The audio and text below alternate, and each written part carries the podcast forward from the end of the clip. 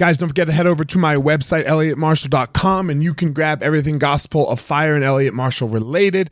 Uh, my YouTube is there. Um, you can get all of my courses. You can get my book, my free webinar. There's a whole host of stuff. elliottmarshall.com. Go over there, check it out. I'd greatly appreciate it. Give me a follow on Instagram at firemarshal205 if you aren't already following. Leave a review on uh, any wherever you're listening to this podcast. Leave a review there. Also greatly ap- appreciated. And let's jump into this week's episode.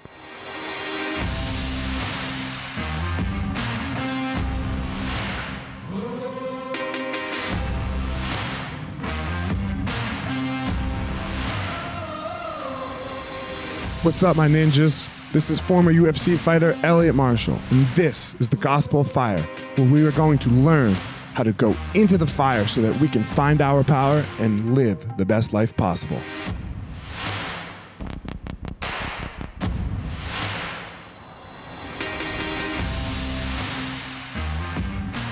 Guys, this week's episode is with Brett Bartholomew. Brett has a very interesting story about um, some a near death experience at a very young age that he was able to then overcome and then create this mindset that he has now or start to create this mindset that he has now. And now he is in the business of helping coaches coach or or being you know he calls his business the art of coaching. So we had a great talk about what it's like to develop mindset how to develop mindset how he does it and some of his philosophies. So without further ado here we go. Brett bartholomew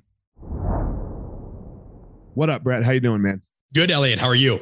I'm doing well, man. That's a wall you got there behind you, bro. We do. It's a resilience wall. So everybody, um, you know, I don't know if anybody can see or not, but the ones that can't, even if you can, and it is on YouTube, uh, these all represent professional athletes or collegiate athletes or uh, what have you that I've worked with that have undergone some major significant struggle in their lives, ranging from mental health, losing loved ones due to cancer, um, al- alcoholic uh, kind of background, uh, you know, wide variety of catastrophic injuries, this, that, family stuff. The goal is to show my son, who will be two in December, that talent and advantage in your life, or what you perceive to be an advantage, is not always that. You need to kind of go through hell and back, and that's what my business is is predicated around: is navigating the gray area. So, wanted yeah. to get indoctrinated to that early. Man, it's so interesting what you just said. What what what seems to be a perceived advantage? I, I, I can't remember. I think it was a Malcolm Gladwell book and he was talking about it might have been David and Goliath. I'm not sure. And he was talking. Go ahead. Oh no, I was gonna say yeah. I think in that case more of a disadvantage, right? People thought that that uh, going to Harvard. I, what? People thought going to Harvard would be an advantage. Sure. Yeah. I, I, haven't read his book uh, in totality, but knowing that again, the classic idea of David and Goliath wasn't really as people thought, right? Like right the idea is Goliath, this big hulking thing, had all these advantages, and here was little helpless David. But really, he wasn't helpless. He knew how to wield his tool. He had very skilled aim.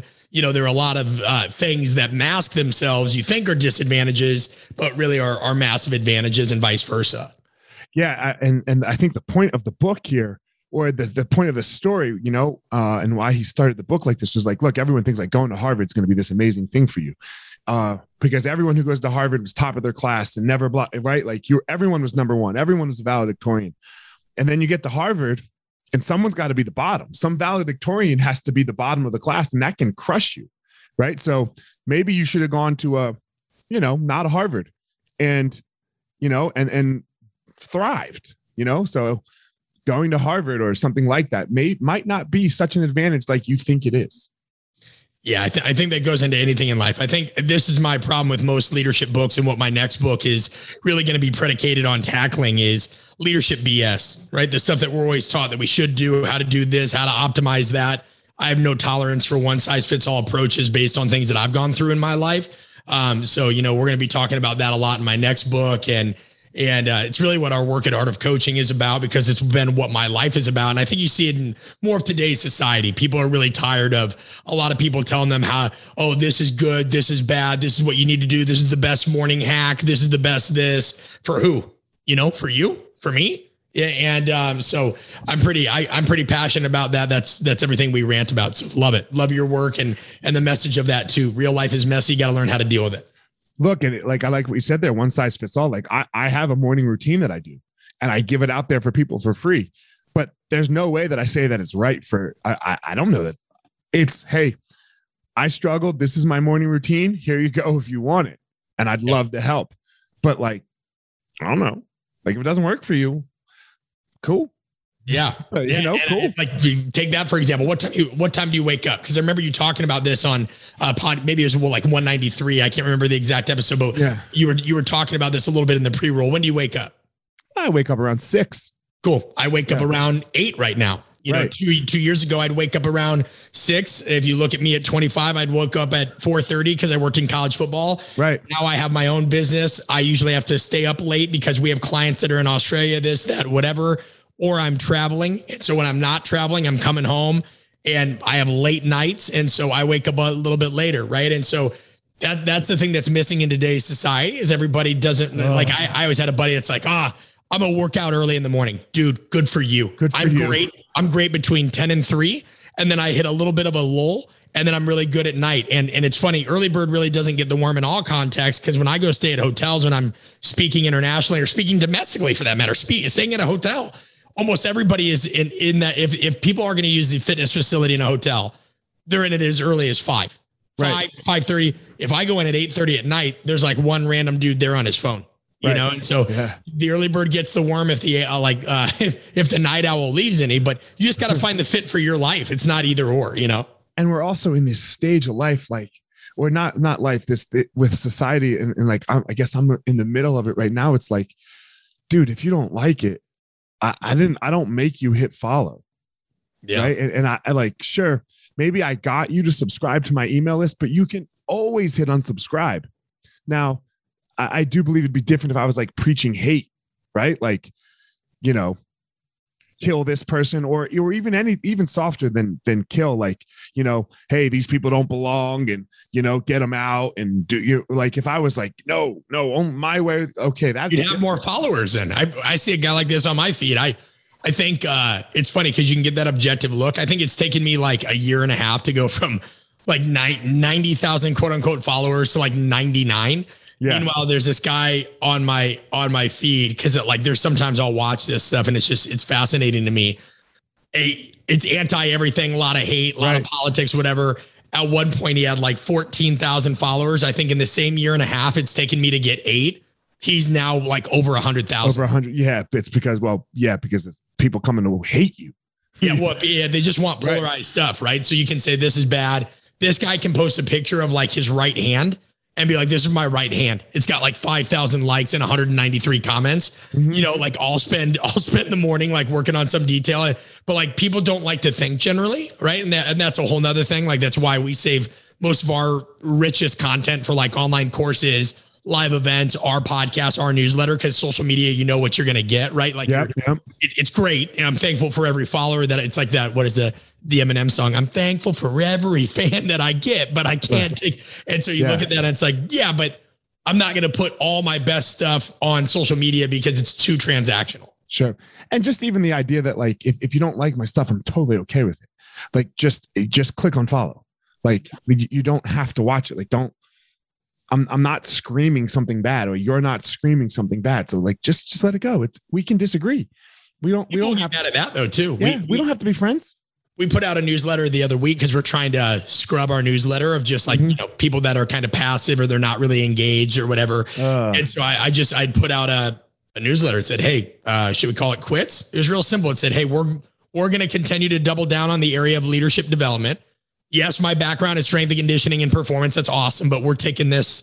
It, it, like if Mhm, you're not mhm. interested in interpersonal skills, social psychology, all that, like here's your chance. Click on subscribe. We got a scathing email, scathing from one guy that was like, nice sales tactic. I go, sales tactic. There's not, there's nothing coming. Yeah, like I didn't send you anything. Meanwhile, everybody else was like, dude, I love it. We only had, I think, 3% or less of our uh, list at like 24,000 unsubscribed. Because Right. you know, this guy, in the meantime, like we realized he was projecting a lot of his own insecurities on us, but was livid. We're like, dude, Right. what? Like, why did this offend you? We're saying we're trying to save you time. I'm saying your time's valuable. We put a lot into our newsletter. If you don't want to get it, just here, here you go. yeah, and I won't even be upset. I, I probably won't even notice. He was.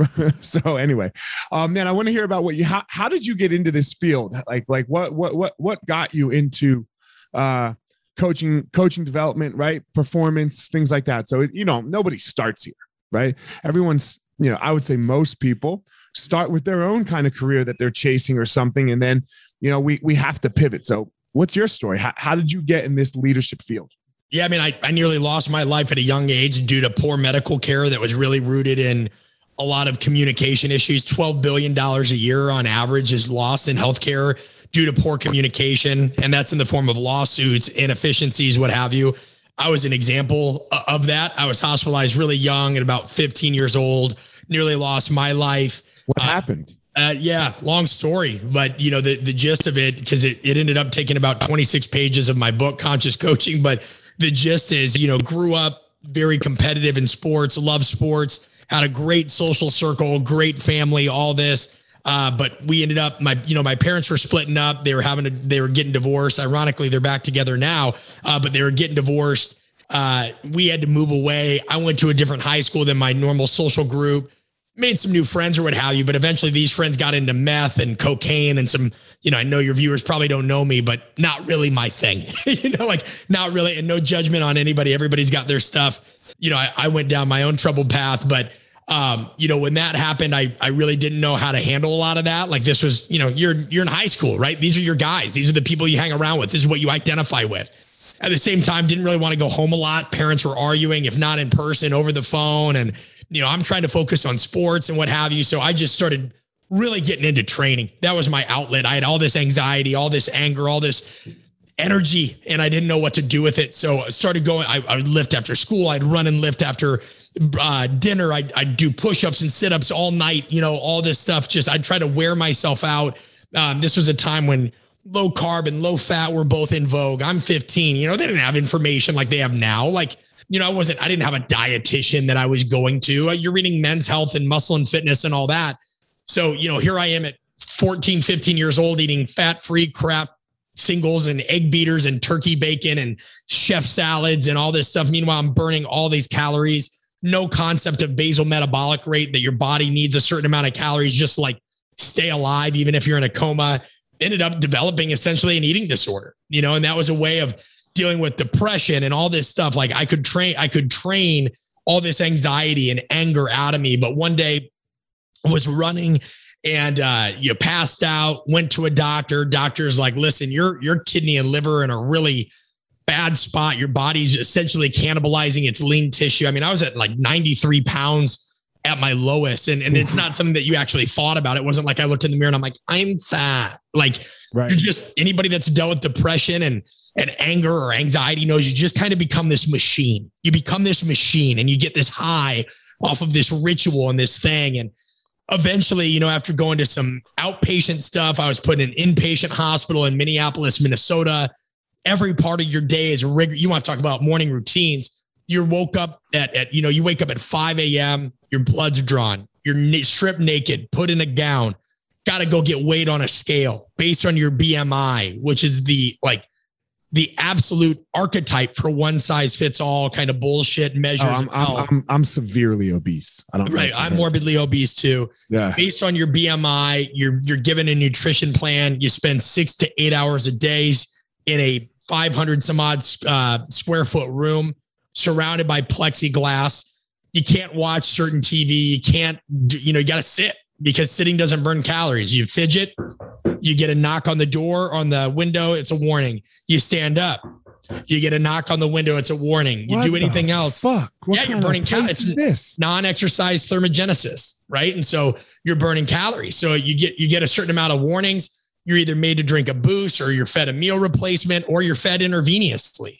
And so if you're not being weighed, your blood's not getting taken, or you're not in the day room, you're in the dining room, which is a big glass. It's, I mean, it's like I just watched my first episode of Squid Games. And like, I don't know if anybody's seen that. It's crazy ass dystopian movie. It's kind of like that.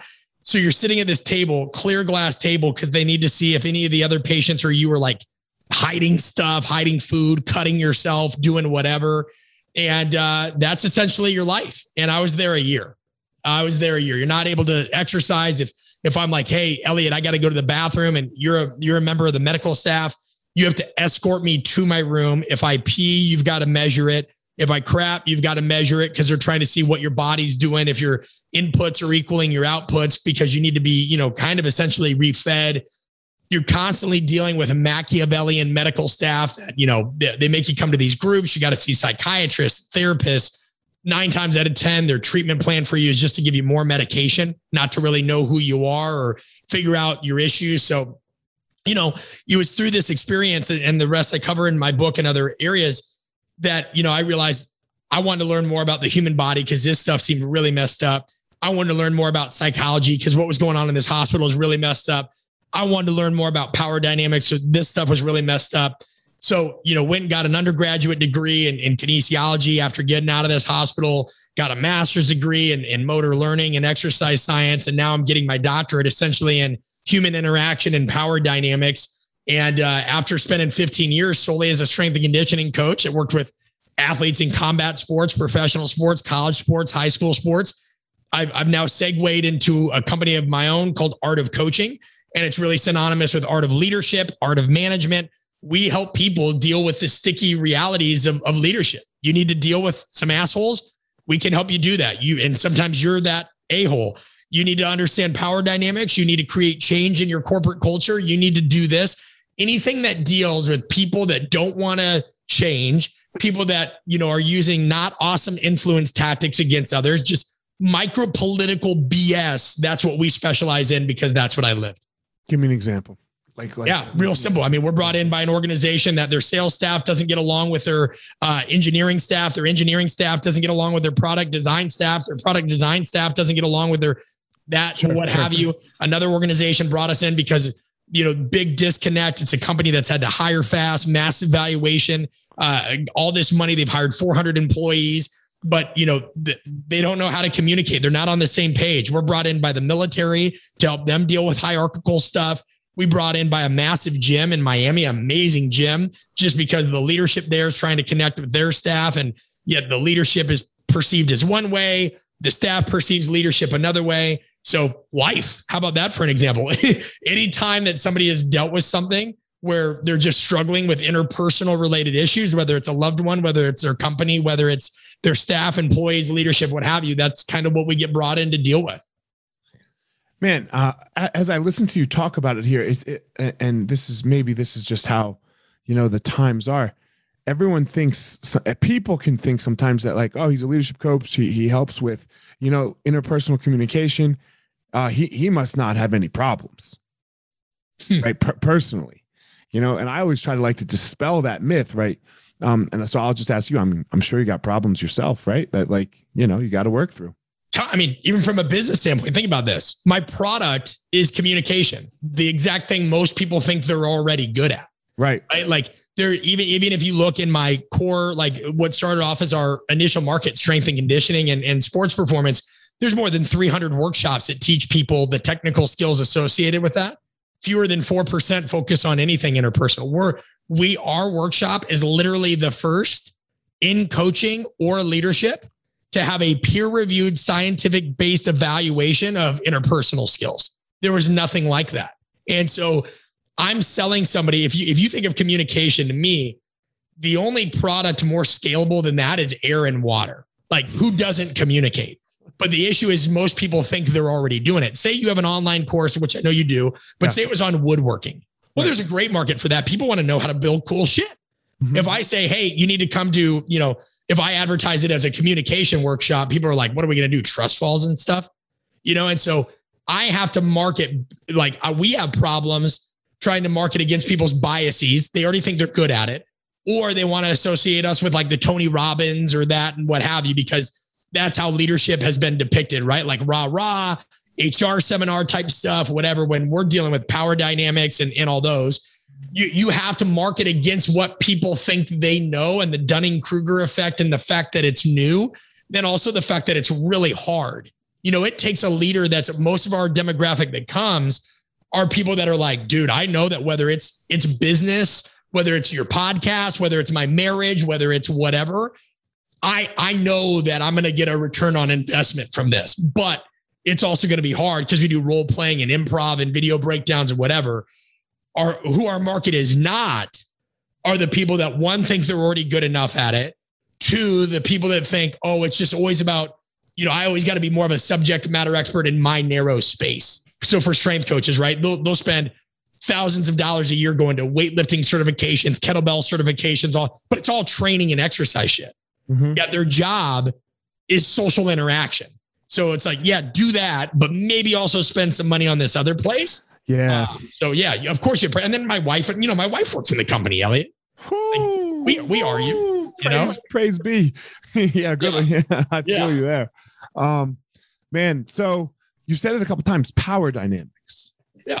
Right. But this is such a thing. Power is such a complicated thing, right? Like because you have people have it. There's like you, you can't deny that it exists. You can't deny that like there's a leader of a company. And if you're the if you're the leader, the owner of a company, you're going to have some power. And how, how do you explain it to me? Explain explain what this whole power dynamic thing means to you, how you deal with it, things like you know. It, you've said it a couple times, so I'm just kind of interested. Yeah, well, think about right. You have you have a background in combatives, yeah. Yeah, I own seven martial arts schools. Right. So what do you uh, like? You have this meta category of striking generally what what skill is involved in striking, right? Like it, it can be punches. What else? Punches, kicks, like boxing and boxing and or Muay Thai, kickboxing. Right. So under like if you think of power dynamics, the the striking of power dynamics, meaning the meta category, is what we call micropolitics. And if you think of macro politics, micropolitics, macro politics is like, are you Republican or Democrat, right? What's going on in Washington? That's macro, that's government level. Micropolitics is the day. Does anybody want to say they're either right now? What?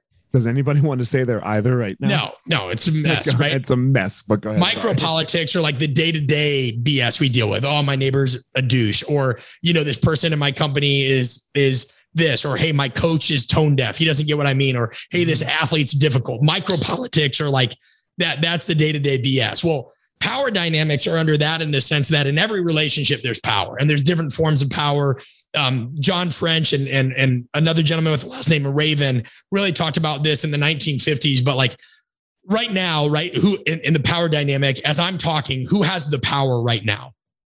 You do. Right. But the minute I ask you a question or turn it back to you, who has the power? In this very second, now I do.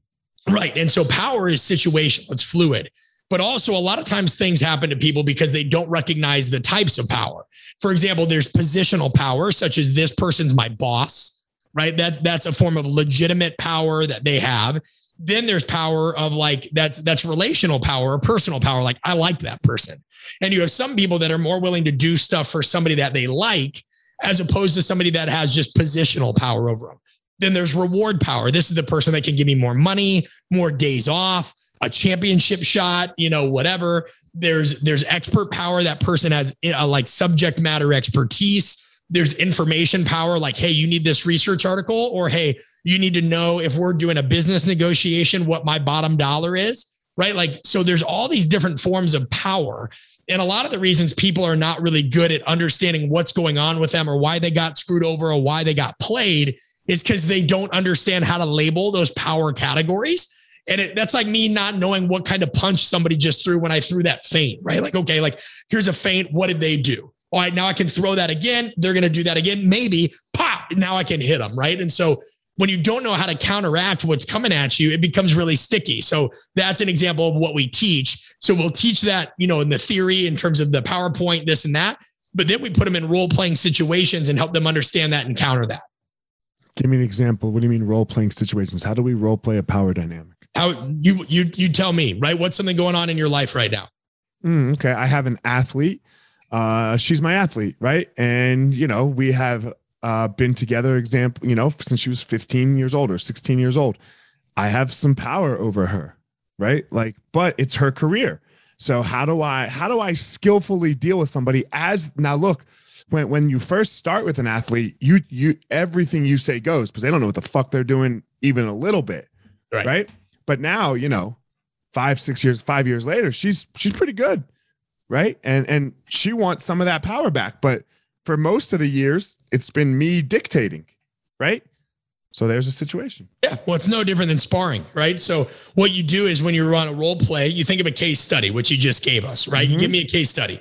Then I have to think, all right, well, what's the situation? All right. Now I have to say, okay, who's involved? What are their roles? So you're the athlete, I'm you, so on and so forth what are the nuances of that? How, you know, how do you describe your personality? What's my personality like? Am I defensive? Are you naive? Are you defensive and I'm naive? Are you, are you more of a bulldozing personality, right? Like uh, my book, Conscious Coaching, we give 16 different archetypes of personality, saying that generally you're going to see people vary in a wide variety of mood states. There are people that are more manipulative. There are people that are more just straight up, I'm like a soldier. I'll do whatever you tell me. There are people that are more of kind of the free spirit. They're willing to go along with anything. There are people that are more skeptics. They're going to question everything. There's people that are technicians if you don't relate everything to their sport. So th- that I can't go into. It's going to be beyond the context of, of, of all sure. of this. Right. Right. So I think of the situation. I think of the roles uh, meaning like what are the personality aspects what are the what are the nuances then what are the constraints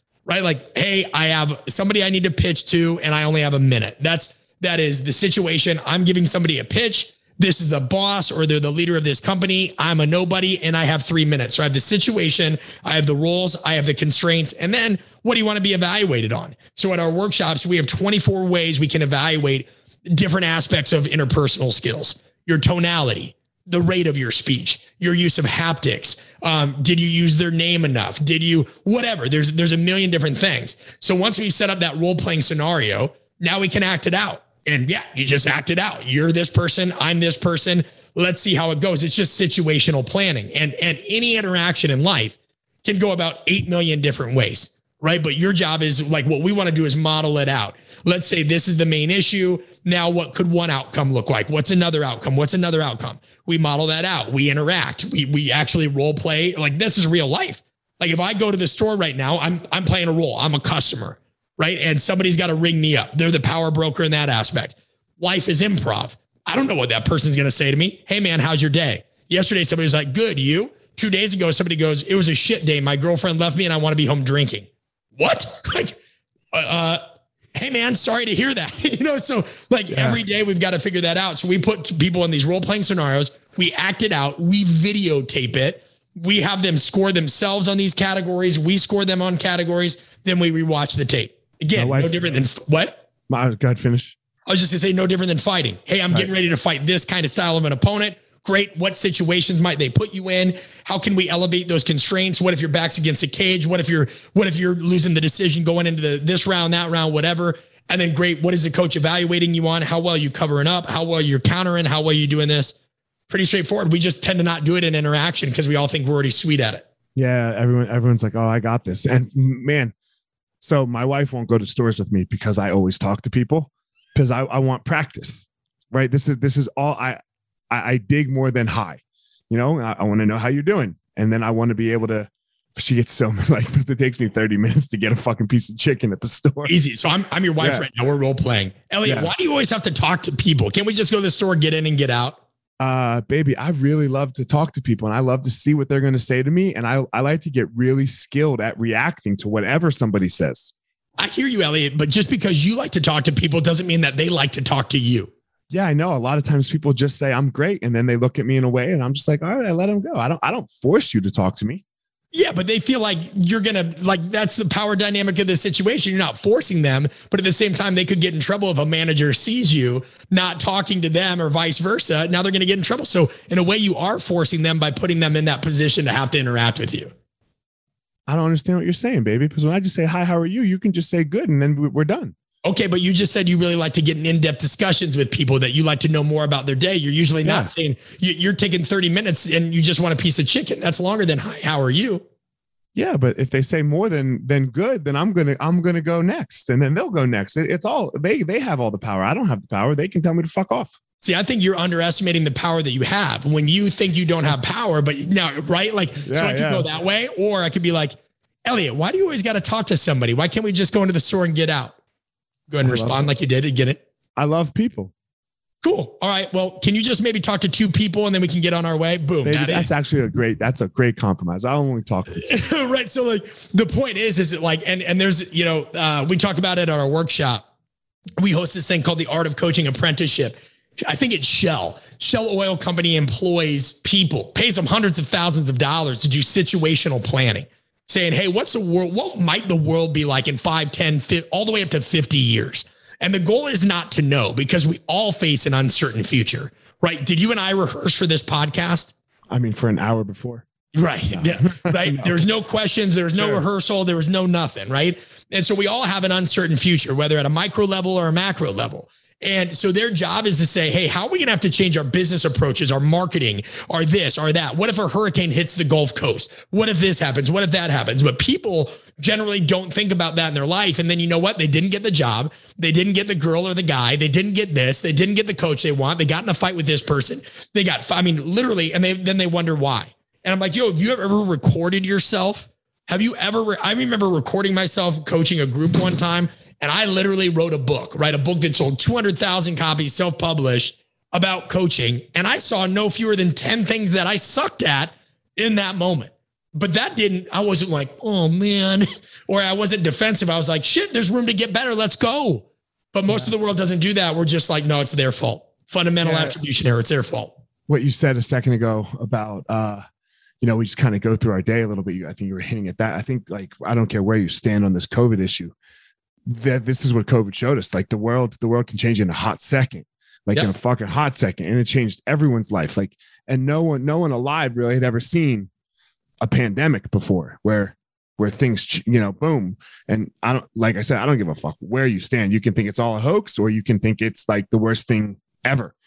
It still changed your life. Oh, like you've never, you know, like you have never seen, and people aren't ready for that, right? People aren't ready for that shift because we, we assume that today is going to be like that tomorrow is going to be like today. And then you know within some relative norm.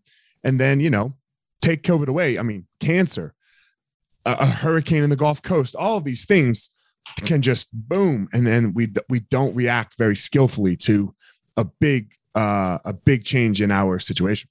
Yeah i mean a hundred percent. I think one of the biggest one of the biggest kind of rebuttals we got when we started our apprenticeship workshop is oh improv role playing. Like people thought we were doing just like goofy stuff right? And i said let me tell you about this right? When i say we face an uncertain future what would you guys have said if all of a sudden 2 years ago i go hey here's the situation worldwide pandemic. People are forced to wear masks. Then masks and vaccines are being politicized. And then people that work for pro sports teams are being told to create cardboard cutouts of the Simpsons and celebrities and put them in stands so that athletes playing feel more normal because otherwise nobody's coming to the games and they're pumping in crowd noise God, how terrible was that, man? How terrible was it to be, watch cardboard cutouts of people in a yeah, stand? People would be just like, nah, man, like that's never gonna happen. Things that you mm. don't think happen happen all the time. All the time. And when the world as you know it changes at an uncharacteristically fast pace, so might your actions. So why would you not role play that? Yeah. They don't have an answer for it because the answer is, oh, I'm just insecure. I'm insecure and this shit might be hard. you know? Yeah. I, I feel you. I, I feel you. And look, for for me, the answer has always been combat sports because and just athletics in general, because you you can never be ready for the next thing. Right, like, like especially like fighting, it's it's just all uncertainty and chaos. Improv. That's a perfect example of yeah, improv. It's, it's, it's just you ha- you have somebody might like you know the, the rule book, quote unquote, says that they should do A, then B, then D, then F, then blow And all of a sudden they just do Z. And you're like, whoa, whoa, whoa. Like, whoa, whoa, whoa, what was that? You got to be ready for it all. And that's that's that is the beauty of fighting to me. And i know a lot of people see it as a violent thing but i see it as a very beautiful thing in the sense of like man it, it just prepares me for my actual life. Yep. So. 100% i mean that was that was wasn't that tyson right? Everybody's got a plan until they get punched in the hit. nose. Yeah everyone's got and then it's just like hit. yeah until they get hit. And then that's that that to me again we found that most people agree that communication is important. It's just that this idea of learning how to become a better communicator through the use of improv is uncomfortable for him because people they don't want to act things out, you know. But then we have all these leaders that are like, I'm an authentic leader. I'm like, well, then why do you self edit when you act things out? Like just be you and react, and and then you can actually get an idea of what you need to work on, you know. There, there are two things that everyone thinks they're good at. One of them is communication, and the other one's sex. Right? Ah, you know, everyone's like, oh, I, I got that. But yep. maybe you don't. Maybe you're really terrible. Yep. Um, man, a couple questions here as we end. So, uh, you know, you you have you know a solid Instagram following. You you you got your thing going on. Uh, you, this podcast really isn't going to do much for you. I, I don't know if you thought like this was going to blow you up, like as if you were on really. Joe Rogan. So I ask everyone this question, like, you know, we're all busy right now. why do it? Why take an hour out of your day to come on a show that probably won't do that much or move any real needle for you? Yeah, well, one, I think it's interesting that you say that. Uh, like, what do you have? What, how many downloads you get per episode? Uh, per episode, I don't know, a couple thousand. Right at, at that moment, right? And then we know that there's compound interest. We also know that then this stuff lives forever, digital mm-hmm. stuff. So it's really like one, do you believe in connecting with other people that have similar missions? Now, I don't know you personally, but generally, I think you don't like leadership bullshit and you want to help people. Is that correct? Uh, I don't like bullshit. I do like leadership. I do like helping people be better leaders. I didn't say that. I said you don't okay. like leadership bullshit. Oh like, yeah, I don't um, like. Yeah, no, for sure. Right. Uh, so, and I love people. Great. Uh, two, I think that you have this idea that, well, I'll just put it this way: you reached out pretty professionally, mm-hmm. a lot better than most people. Are like, "Hey, bro, come on the podcast," and then you look and it's like the Dad and Dogs podcast Sunday morning. They have ten episodes you listen to a few of them, you can tell it's a so you've ended up you have you ever ended up on, on one like that? Are you kidding? One. How about a hundred? Oh you know, my god! and, right? and that's oh. why I create more tripwires now. And it's not to be a dick, but like now when people reach out, like we literally, I'm like, one, I we're we've now created a system where if somebody's like, hey, come on the show, I'm always honored, right? I'm always honored right. that people at least think of me. But we've learned that we have to like, hey, yep, but fill this out. So they go online, we get an idea of what their agenda is, what their thing is, all that it's a great tripwire because out of everybody that reaches out, 10% or fewer are ever going to fill that out because right. it's more work. So that already weeds some of those people out. The ones that then fill that out, right? Like we just ask them to be patient because we only review it quarterly because mm-hmm. otherwise it's really easy to get distracted. So you were professional, you were patient, you want to help people. And I, I don't give a shit that you're not on. It's actually better for me that you're not Joe Rogan because I'm not trying to appeal to a bunch of people that just want to comment in, in those things like and, and talk shit and talk about how stupid I am and whatever just because they want to be seen on their massive mm-hmm. platform. I actually want I like I'm I'm a big believer in the hundred to a thousand true fans. Now, if I if I get a chance to go on Rogan, that's sweet too. But to think sure. that they only have the benefit, I mean, why would I have my own podcast? We get 3,500 to 5,500 downloads per episode when it comes out, and about 58 to 75,000 per month. You could say, well, what are you just going to squander in obscurity? I believe those things have a compounding effect, man. Sure. So yeah, uh, you you acted professionally, you care, you were patient, uh, you were respectful, and I think those things have a compounding effect. I agree with you. I agree. I just like to hear people's answers. You know, I, I find it, you know, because in this day and age of, oh man, this has to blow me up right now. And if I don't, if it, if it doesn't, I'm not going to do it. You know, uh, okay, uh, you know, I'll buy file, I'll buy Instagram followers and I'll do this. And, oh, I got to ask you a question though. If I, yeah. I can give you here. Here's what we call an exchange influence tactic. Mm-hmm. Okay, something that we teach. I love what we're always trying to think of catchier ways to draw people's attention to the to the need to help them become better communicators. I love what you said. There are two things that people think they're already great at: communication and sex. Uh-huh. I can either put that on my Instagram like right now and quote you, or I might just pay you for the rights and that shit's mine. Which one you want? Just take it. I'm gonna quote you. I'm gonna quote you because that's that was too good. And that might need to be a t-shirt. Yeah. Just yeah, take it. It's yours. you know, send me a t-shirt, man. I'll, I'll, I'll, tell you what, I'll put the quote out there and then I'll put right. I'll, I'll put uh I'll put you as the uh I'll tag uh, you. Yeah. And then I'll send happens. you a t-shirt too. Best of yeah, all worlds. Perfect. Great. Yeah. I, I you know, I'm not people that I, I don't I, money comes and goes, fame comes and goes all of that comes and goes. It's like, man, if I if if you're you're a communication person, right? That's what you help people with. I don't like that. That's not my thing. So if, if that quote can help you, then fuck by all means use it. I can't know? wait to just I can't wait to see how many people unfollow me because of it. This is gonna be amazing. Well, because that's because they think they're really good at sex, and then their partner's going to tell them that they're not, and then they're going to get all butthurt. uh, and this is why I'm glad we did the podcast. There we go. So there, there, there's our reason. Um, all right, last question I always ask. I believe everyone has a unique power in the world, something something that they go and give to the world, and it does not make them famous. I mean, it might, right? Like, you know, LeBron's an amazing basketball player, and yes, great, great for him. You know, it might make you famous, it might make you a lot of money, but it doesn't necessarily. What would you say your power is? I think that for better or worse, I've always been able to see things in people maybe they don't see in themselves sometimes that's really broken my heart. I think of like people I've dated in the past and what have you that like, you know, there's one person in particular that, and I'm, I'm very happily married, right? My wife mm-hmm. wouldn't care about this. Like, right. um, like, but there was one person that I cared so much about when I was in my 20s and what have you. And I saw so many amazing things in her, but she never really saw them in herself. And there were so long that I held on to that and I held on to that.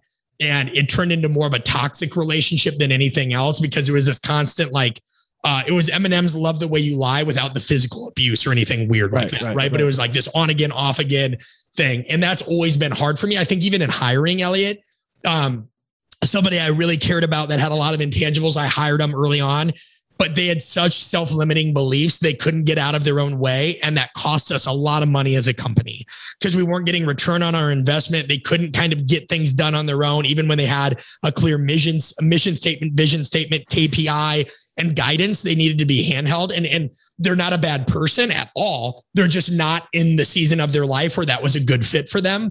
So I think seeing things in people that they don't always see in themselves can be really amazing um, and really heartbreaking at the same time, if that counts.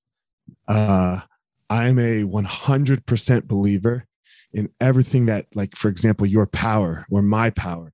The thing that makes me very powerful also makes me very terrible. Yeah, right? virtue like, becomes vice. Yeah, the, the, there's a duality, you know, and there's benefits and drawbacks to everything. So it was really interesting to hear you say how sure the thing that makes you great also brings you a lot of heartache you know and it can bring you a lot of heartache because i definitely believe that's true. So yep. um brett man you talked about your book you talked about you know your coaching and your courses and all that stuff. So as we close out here tell everyone where they can follow you tell them how they can connect with you if that is what they are looking to do give it to us. All right hold on can i do my late night dj yeah. fm voice? Hold on. Let's go let's go. In a world where communication is important and people think they're good at it one book can help you get started Conscious Coaching, the art and science of building buy-in by Brett Bartholomew, available on Amazon and Barnes and Noble online. Um, that was amazing. Poor jokes aside, yes, uh, that that was my first book written in 2016. Okay, there is the terminology of strength and conditioning coach and athletes, but much like a Navy SEAL can write a book, and you and I can learn from it, even though we're not Navy SEAls. It books for everybody, right? Second book. Hopefully, I'll have more news of when that will be out artofcoaching.com is the easiest way to find me. You'll find my Instagram you're there. You'll find everything there, or just look up my name, Brett Bartholomew. And uh, I appreciate that, man. I appreciate you coming on and we're having me on and, and us being able to just have a frank discussion. And hopefully I brought value to somebody on here. Well, you did me. So that's all that matters. You have a doppelganger, right. by the way, close friend of mine named Dennis Logan. Dennis Logan. I mean, not like spit image. So don't be like, Dennis yeah. is very handsome, but don't get like offended. If you're like, hey, I don't have like a freckle on my face. Like you and Dennis Logan need to meet and hang out. It would cause a lot of people to be very confused. Bro, there's a dude with my name and my exact birthday. My Does he have my, your face? And my middle name. No. My so my Elliot Andrew Marshall, born 7780, and he is a huge felon. So for years, when I was coming back in the country, I would get stopped and then like I'm like, why do I? I mean, like, why do I always get stopped? You like, like my dad's black and my mom's Jewish, but you can't really tell by like like you can't tell by looking at me, right? I'm like, man, it, it can't be that, right? No one, no one's profiling me. No one knows what the fuck I am, you know. So one day, my wife and I were coming back on Christmas. It was Christmas Eve or something. It was empty, and the guy starts to like really look at me, and he like starts to let me go through, and he was super nice. And I just asked him, I'm like, yo, man, why do I always? Why does this always happen to me? And he told me, he goes, but here's the difference. The dude, the, you, the other Elliot, Andrew Marshall on 7780, he's only five six. So then I started to be like, when people started really looking at me, I'm like, look at the height, you know? And they were like, ah, they were like, people like, how'd you know that? I was like, yeah, I figured it out. So yeah, I got a couple doppelgangers. I love it, man. Well, I appreciate you again. Yeah, man. Thank you. Guys, as always, look, Brett has a unique power in the world. Don't go out in the world and try to be Brett. I have my unique power in the world. Don't go out in the world and try to be me. Go out there and find your own power. All right, everyone, thanks for listening to this episode of The Gospel of Fire. If you enjoyed the episode, I'd love a review on iTunes or wherever you are listening to this podcast. Don't forget to follow me on social media at Fire Marshall 205 If you are a BJJ enthusiast, check out my YouTube channel. I put all kinds of instructional DVD uh, videos out on there, so go check it out. My book is still out on Amazon by the same name as the podcast, The Gospel of Fire. So if you are interested, go check out that. And most importantly, guys, go out there every day, find your power. Thanks a lot.